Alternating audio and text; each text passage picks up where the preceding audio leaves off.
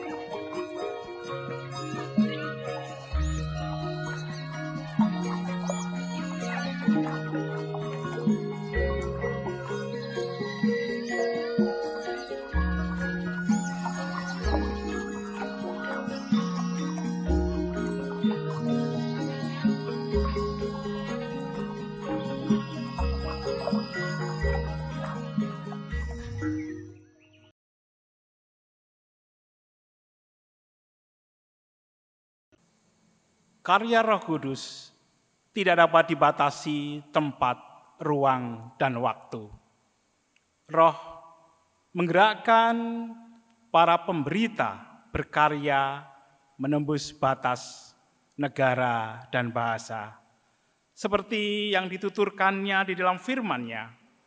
Tetapi kamu akan menerima kuasa kalau Roh Kudus turun ke atas kamu dan kamu akan menjadi saksiku di Yerusalem dan di seluruh Yudea dan Samaria dan sampai ke ujung bumi. Hari ini, di hari raya Pentakosta ini, mari kita kobarkan semangat karya Roh Kudus yang tanpa batas memberi kehidupan di sekitar kita.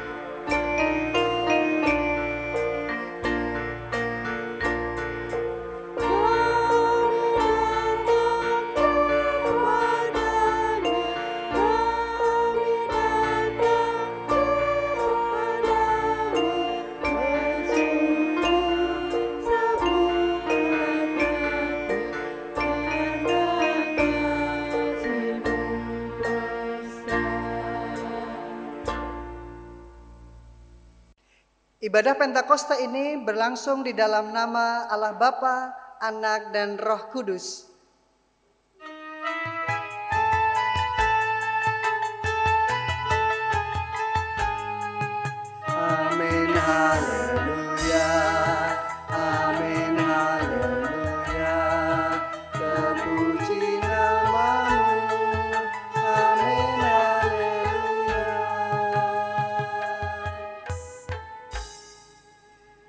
Damai Tuhan beserta saudara.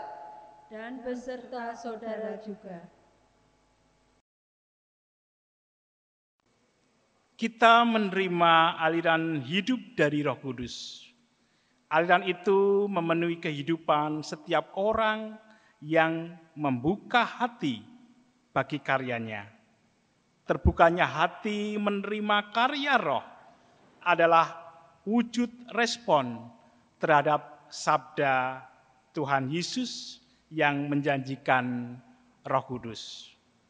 Mari kita mengalami karyanya untuk mengalami pemulihan setiap hari dan semakin dewasa di dalam Kristus.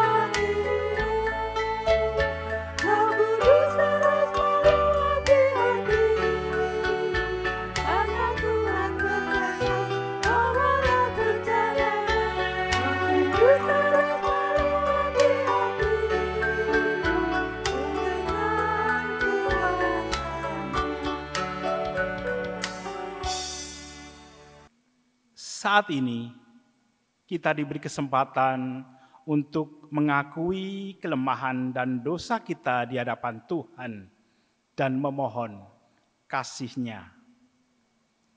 Saya memberi kesempatan kepada Bapak Ibu Saudara untuk berdoa secara pribadi kepada Tuhan.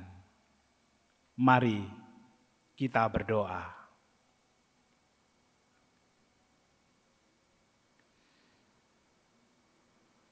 Ya Roh Kudus, berilah kesegaran bagi kami yang haus karena berjalan di gurun kehidupan. Berilah kekuatan bagi jiwa kami yang lelah dan lemah. Berilah kemampuan kepada kami agar bijaksana dalam menata kehidupan. Datanglah ya Roh Kudus, bangkitkan kami, gerakkan kami, dan sertailah kami menapaki perjalanan iman kami. Ampunilah kami, manusia lemah dan berdosa ini. Layakkanlah kami mengalami karya rohmu. Amin.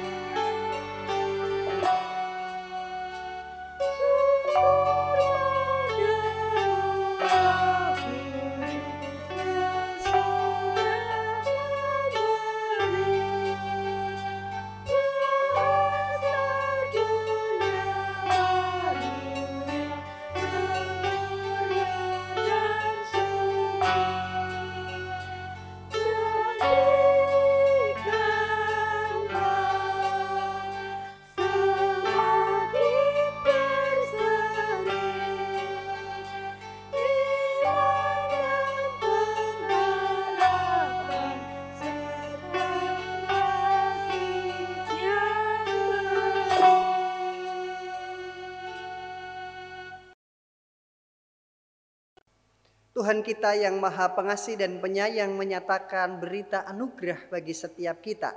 Sebagaimana terdapat di dalam Roma pasal 8 ayat yang ke-14. Semua orang yang dipimpin roh Allah adalah anak Allah. Demikianlah berita anugerah dari Tuhan. Syukur kepada Allah. Di dalam Tuhan saudara telah diampuni. Di dalam Tuhan saudara juga diampuni.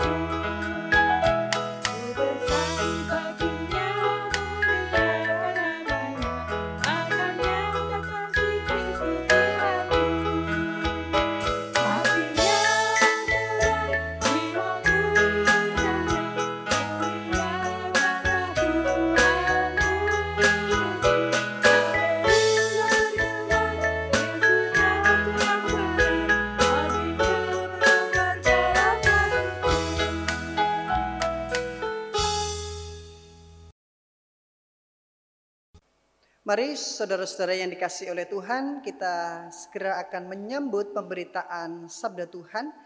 Mari kita berdoa.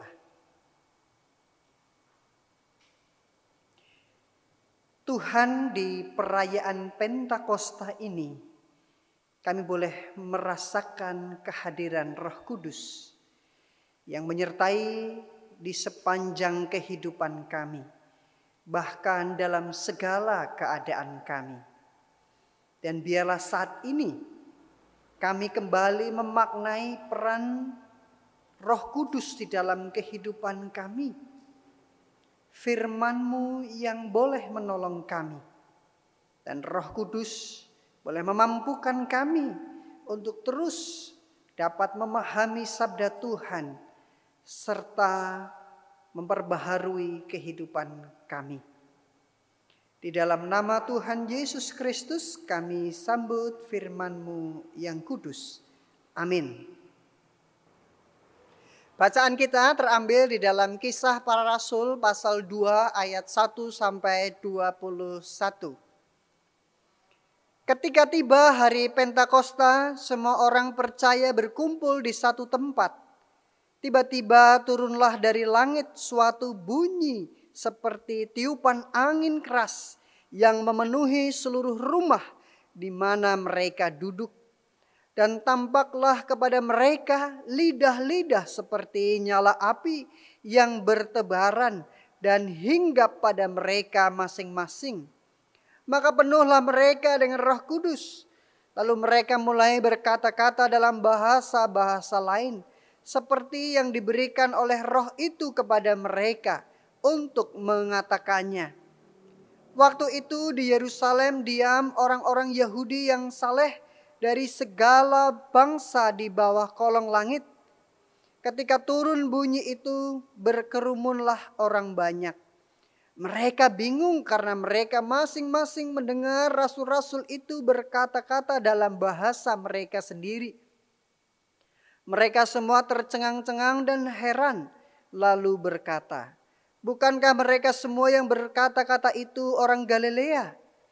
Bagaimana mungkin kita masing-masing mendengar mereka berkata-kata dalam bahasa kita sendiri, yaitu bahasa yang kita pakai di negeri asal kita?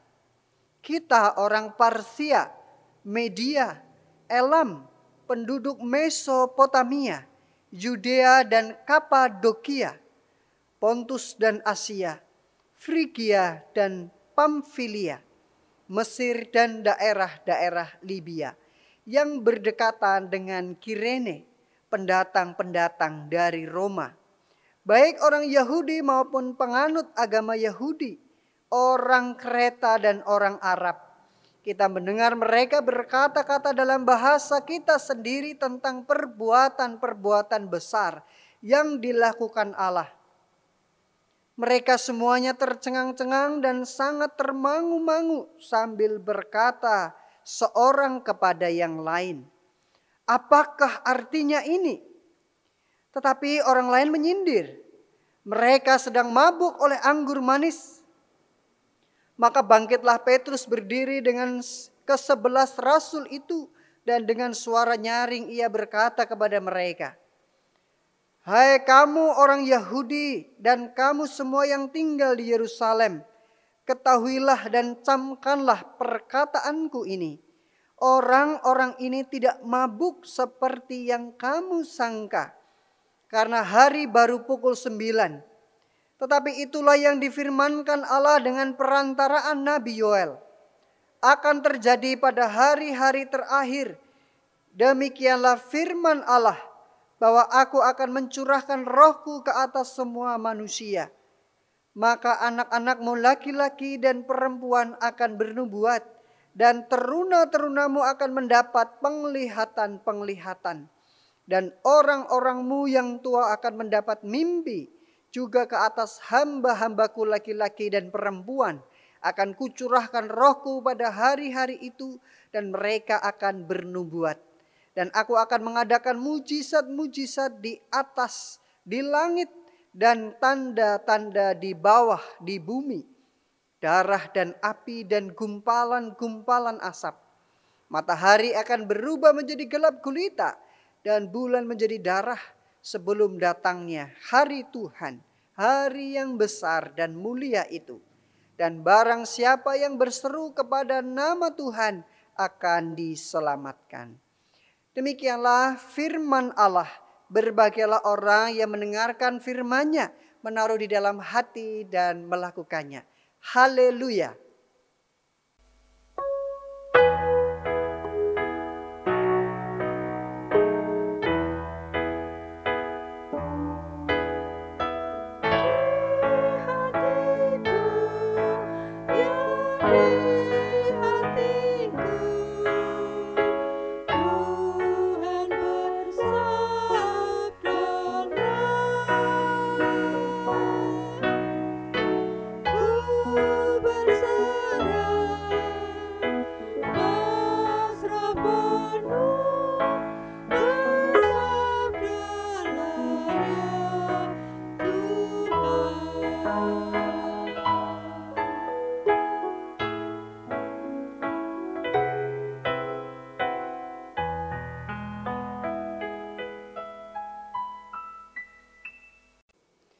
Saudara-saudara yang dikasihi oleh Tuhan, ada istilah filosofi dalam bahasa Jawa urip kui urup.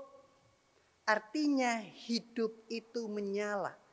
Apakah seperti api, nyalanya seperti ini? Tentu bukan, saudara. Filosofi Jawa ini memiliki makna bahwa kehidupan yang cuma sekali ini mesti memberi manfaat yang baik bagi kehidupan di sekitar kita. Manusia yang dilahirkan di dunia ini tidak untuk berdiri sendiri, apalagi ketika manusia juga memiliki kuasa. Tidak digunakan untuk semaunya sendiri, kepentingan dirinya, sendiri, tetapi kita hadir untuk saling memberi, saling membantu, saling menolong di tengah kehidupan kita masing-masing. Manfaat yang diberikan itu ibarat api yang menyala, tapi bukan seperti bara yang membakar dan memusnahkan, bukan tetapi api memberi makna cahaya yang menyinari kegelapan. menyinari setiap langkah manusia menuju jalan kebenaran. Oleh karena itu, kehidupan kita harus punya nilai manfaat yang menyinari setiap langkah, baik pribadi maupun orang lain, menuju pada kebenaran. Dengan demikian, saudara, kita tidak menjadi manusia yang egois, seseorang yang meresahkan kehidupan sesamanya Seseorang yang tidak mengganggu ketentraman dan kedamaian yang ada. Mengapa? Karena kehadiran kita itu selalu memberi arti dan dampak bagi sekitar kita. Apa pun yang kita lakukan ternyata memberi dampak bagi orang lain. Semakin besar dampak manfaat bagi orang-orang di sekitar kita, semakin menyalalah diri kita. Semakin kehidupan itu terasa lebih baik. Sebaliknya, ketika kita tidak memberi manfaat yang baik, kehadiran kita tidak memberi dampak terang bagi sekitar kita. Barangkali kita mati, hidup tapi tidak menyala boten urup. Berbicara tentang Pentakosta, maka juga memberi makna tentang hidup yang menyala, hidup yang memberi manfaat bagi orang-orang di sekitar kita. Pertama-tama mari kita melihat dulu di pasal 1 dari kisah para rasul. Murid-murid pernah bertanya kepada Tuhan Yesus, Tuhan maukah engkau memulihkan kerajaan bagi Israel? Rasa-rasanya murid-murid masih hidup dalam kegelapan penderitaan oleh karena dijajah bangsa Romawi.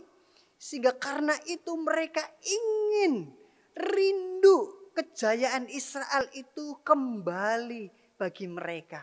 Mereka mengingat kejayaan bangsa Israel dari nenek moyang mereka. Pada kondisi ini, murid-murid yang sebenarnya sudah bersama-sama dengan Tuhan Yesus cukup lama, rasanya belum bisa memahami apa yang menjadi misi Allah di tengah dunia. Pemikiran dan pemahaman mereka masih dibatasi oleh kepentingan diri dan kepentingan teritorial, batasan-batasan wilayah saja. Dan ternyata Tuhan Yesus tidak tertarik menjawab pertanyaan mereka. Ia justru berbicara melebihi harapan dan permintaan mereka, melebihi batas-batas kerajaan Israel. Bukan hanya Israel, tetapi dunia yang dipulihkan juga. Allah hadir tidak hanya untuk bangsa Israel, tetapi bagi seluruh bangsa di dunia. Pemulihan dan kehidupan yang Allah nyatakan itu bagi semesta.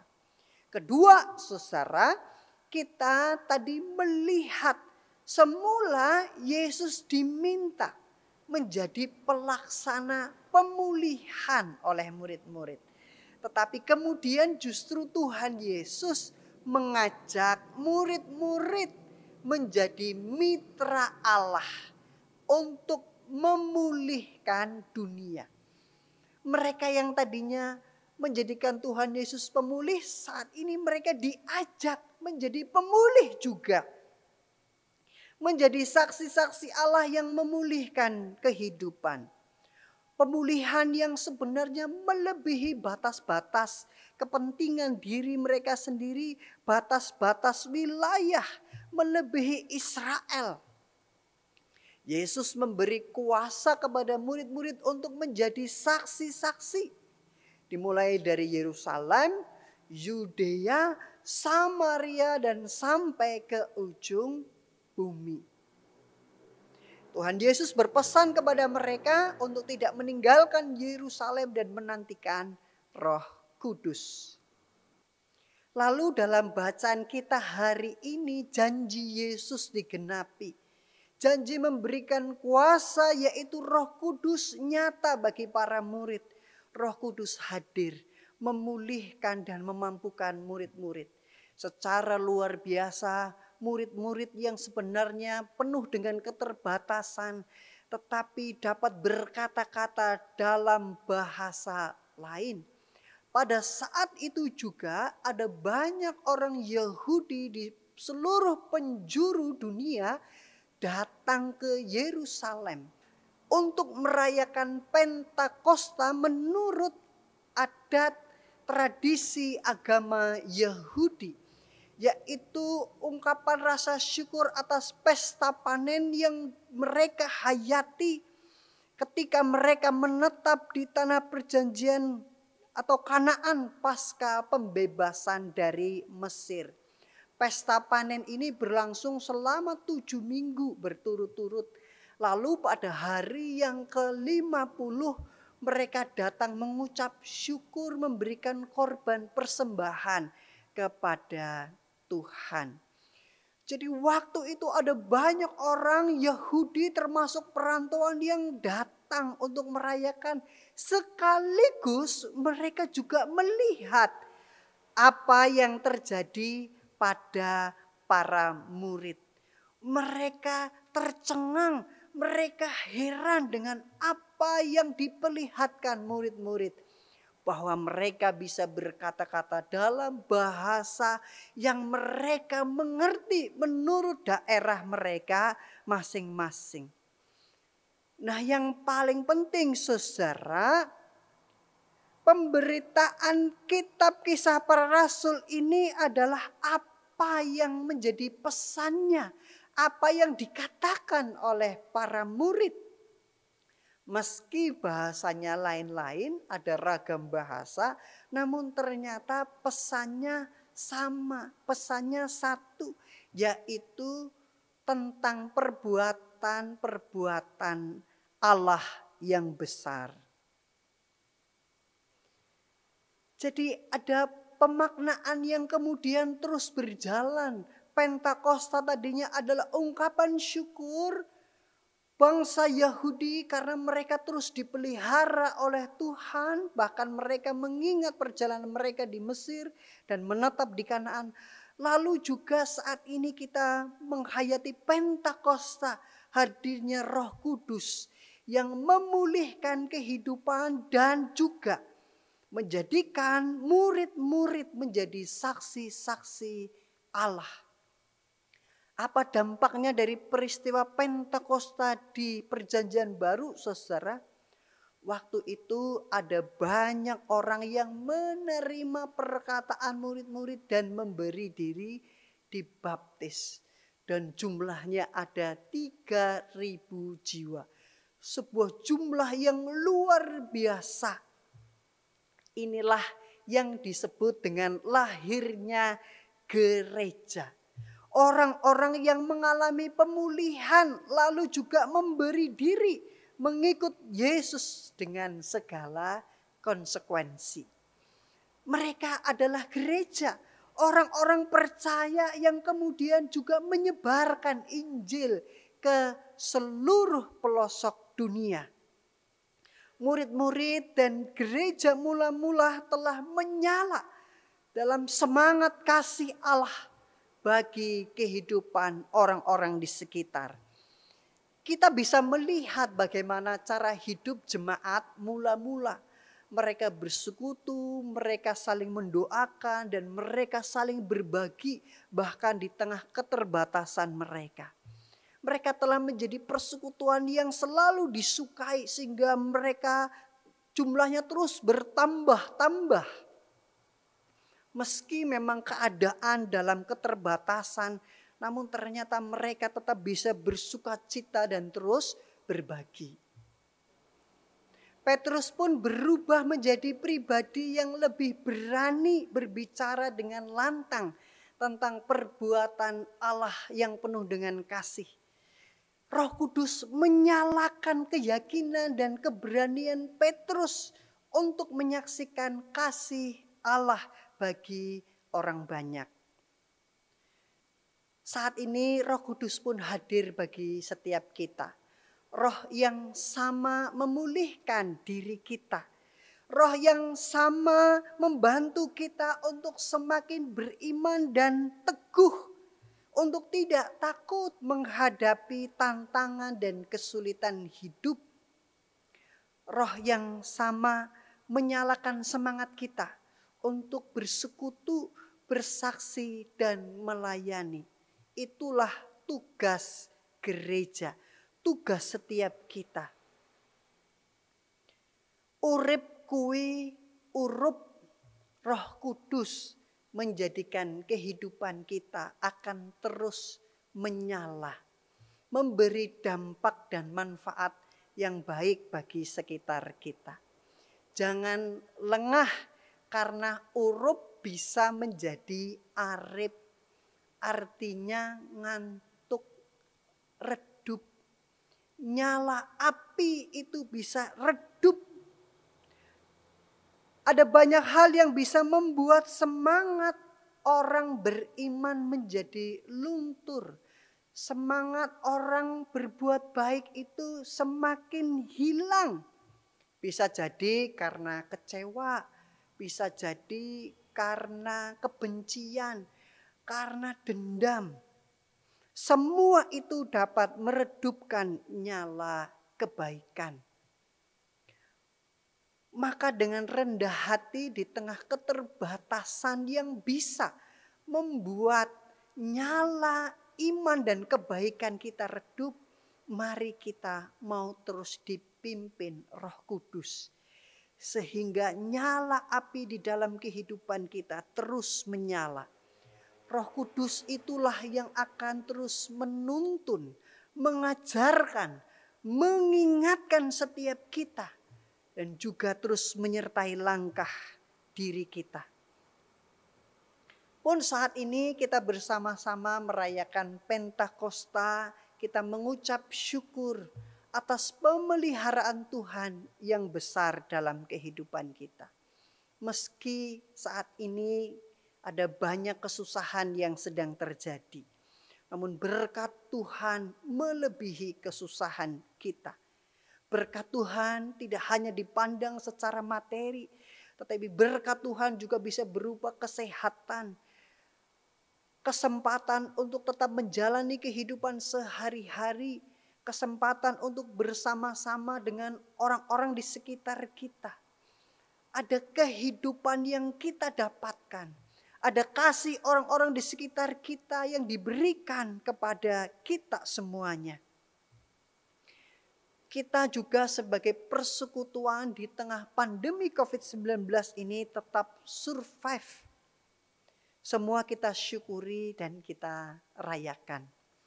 Semua kita juga boleh bersuka cita, bersyukur kepada Tuhan yang terus memberkati dan memelihara kehidupan kita.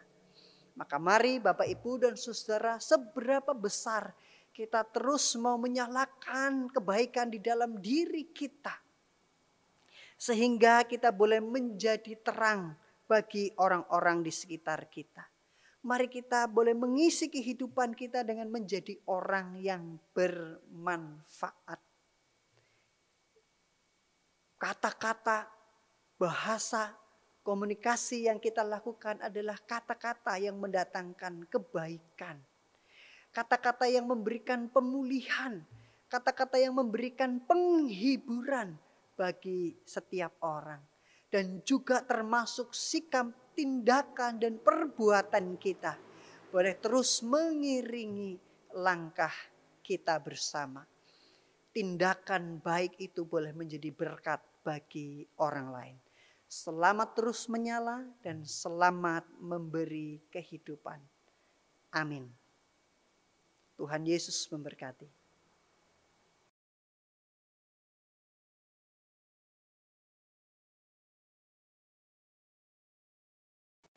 Marilah kita bersama dengan umat Allah di masa lalu, masa kini, dan masa depan mengingat pengakuan kepada baptisan kita menurut pengakuan iman rasuli.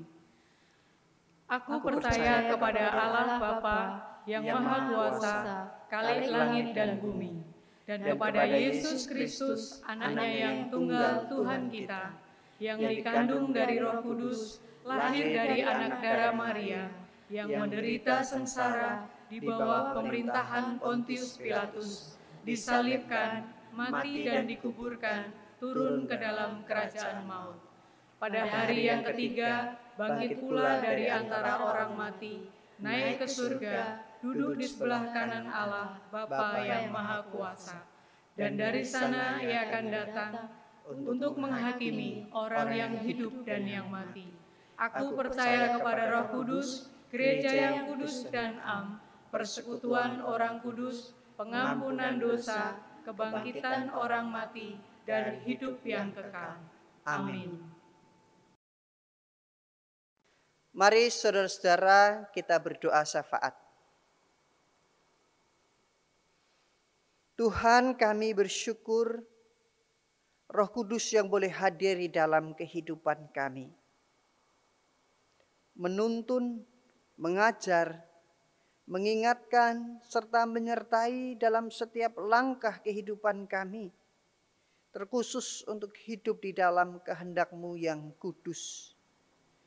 Di tengah situasi wabah COVID-19 ini, Kiranya Roh Kudus terus membakar semangat kami untuk tetap berpengharapan di dalam Tuhan dan juga boleh menjadi saksi-saksimu memberikan dampak dan manfaat kebaikan bagi orang-orang yang ada di sekitar kami.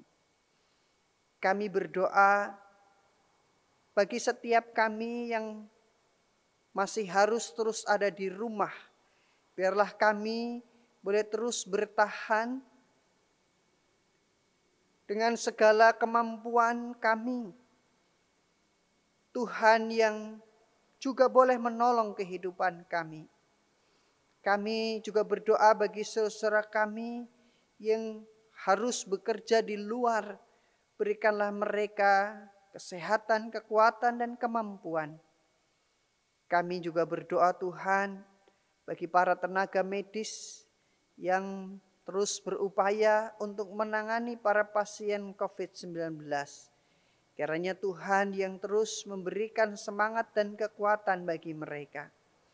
Mohon bagi para pasien yang saat ini sedang dirawat dalam kesepian, dalam situasi ketidaknyamanan, kekuatan Tuhan yang memberikan kekuatan bagi mereka. Kami juga berdoa bagi pemerintahan kami yang terus berupaya menangani wabah COVID-19 ini. Tuhan yang memberikan hikmat, kemampuan bagi mereka semua. Saat ini kami juga berdoa bagi saudara-saudara kami di tengah berbagai pergumulan, mereka yang sedang bergumul dengan keluarga, pekerjaan, studi, pasangan hidup, dan berbagai pergumulan yang lain. Kami yakin Roh Kudus yang boleh hadir menolong kehidupan mereka. Saat ini kami juga berdoa bagi saudara kami yang mengalami kelemahan tubuh baik yang sakit maupun yang lanjut usia. Kami mengingat Ibu Marlina, Ibu Wasilatun, Ibu Inggriani, Bapak Mariono, Ibu Lucianawati, Ibu Sugiyarti, Ibu Esterani, Ibu Maria Kimiatun, Bapak Simanjuntak, serta saudara-saudara kami yang lain. Dalam pengharapan mereka kepadamu ada kekuatan, semangat untuk menjalani pemulihan. Kami berdoa Tuhan yang memberi kekuatan dan berbagai hal yang baik bagi tubuh jasmani mereka. Juga bagi keluarga yang merawat, Tuhan berikan kekuatan dan kemampuan. Kami juga bersyukur di tengah persekutuan kami sebagai jemaat GKI Masaran, di mana kami harus bersekutu beribadah di rumah kami masing-masing. Biarlah kehadiran Tuhan boleh tetap nyata bagi setiap hati dan keluarga kami. Tuhan yang akan menolong kami sebagai gereja supaya tetap dapat menyatakan kasih Allah di tengah kehidupan persekutuan dan masyarakat kami. Inilah ya Tuhan doa serta permohonan kami kepadamu. Di dalam nama Tuhan Yesus Kristus yang mengajarkan kami berdoa.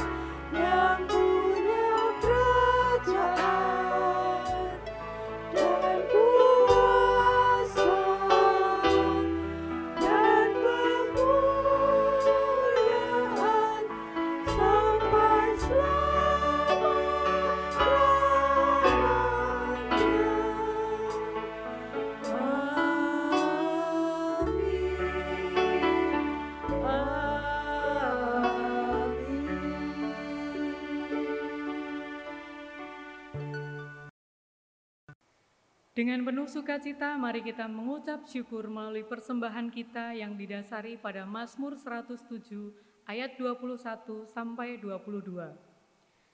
Biarlah mereka bersyukur kepada Tuhan karena kasih setianya, karena perbuatan-perbuatannya yang ajaib terhadap anak-anak manusia. Biarlah mereka mempersembahkan korban syukur dan menceritakan pekerjaan-pekerjaannya dan bersorak-sorai. Marilah kita naikkan doa persembahan kita.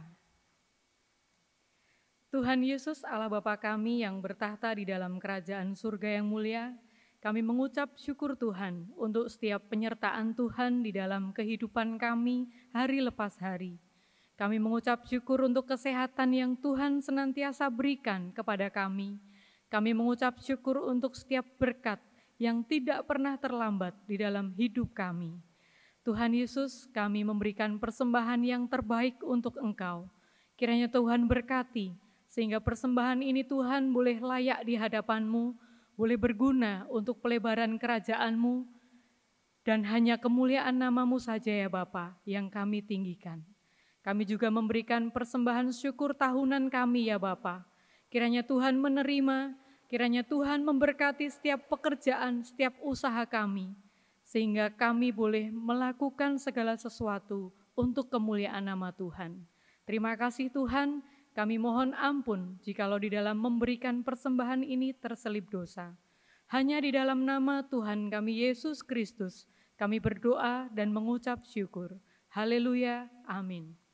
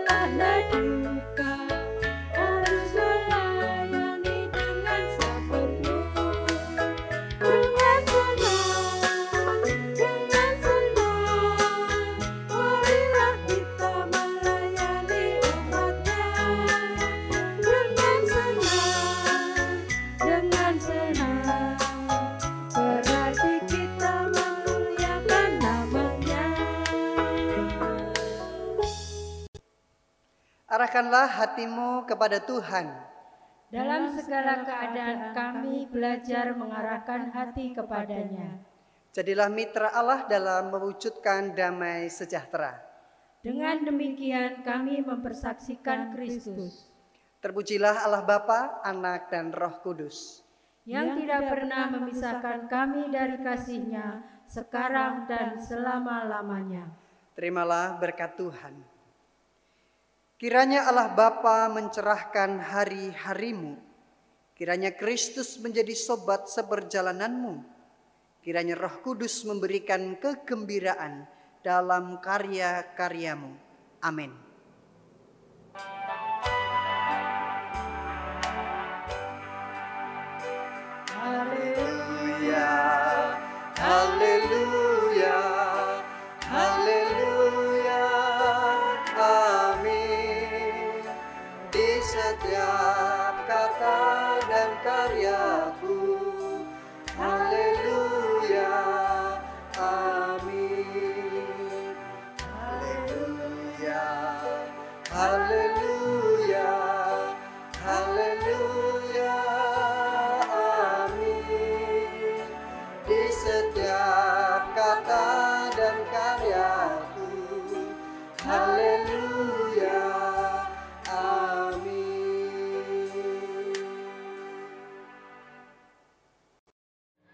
Warta penting.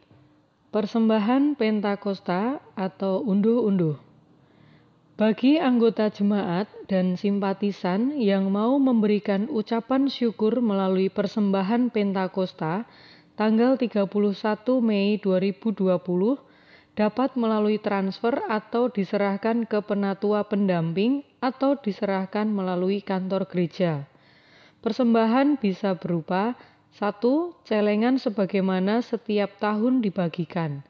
Dua, Transfer ke rekening BRI atau QR link aja atau GoPay dengan diberi keterangan persembahan Pentakosta. Tiga, Atau dimasukkan ke dalam amplop dengan bertuliskan persembahan syukur Pentakosta. Informasi penatua pendamping wilayah. 1. Wilayah Firdaus, Penatua Joko Purnomo dan Penatua Elizabeth Yanuari Widiarto. 2. Wilayah Getsemani, Penatua John Hendro Prayitno dan Penatua April Suwanti. 3. Wilayah Sion Eden, Penatua Lukas Haryanto. Donor darah. Bidang Kespel dan PMI akan mengadakan donor darah pada hari Minggu tanggal 14 Juni 2020 dimulai pukul 18 WIB dengan menggunakan protokol kesehatan. Silakan mendaftar terlebih dahulu untuk dijadwalkan waktu datang ke gereja sehingga tidak ada kerumunan orang banyak. Paling lambat besok hari Senin tanggal 1 Juni 2020. Bagi yang sudah mendaftar, 1. Mohon datang sesuai jadwal yang akan diinfokan. 2. Mohon datang dengan menggunakan masker. 3. Mohon sebelum masuk gereja, cuci tangan terlebih dahulu di halaman gereja. Demikian warta gereja. Terima kasih, Tuhan Yesus memberkati.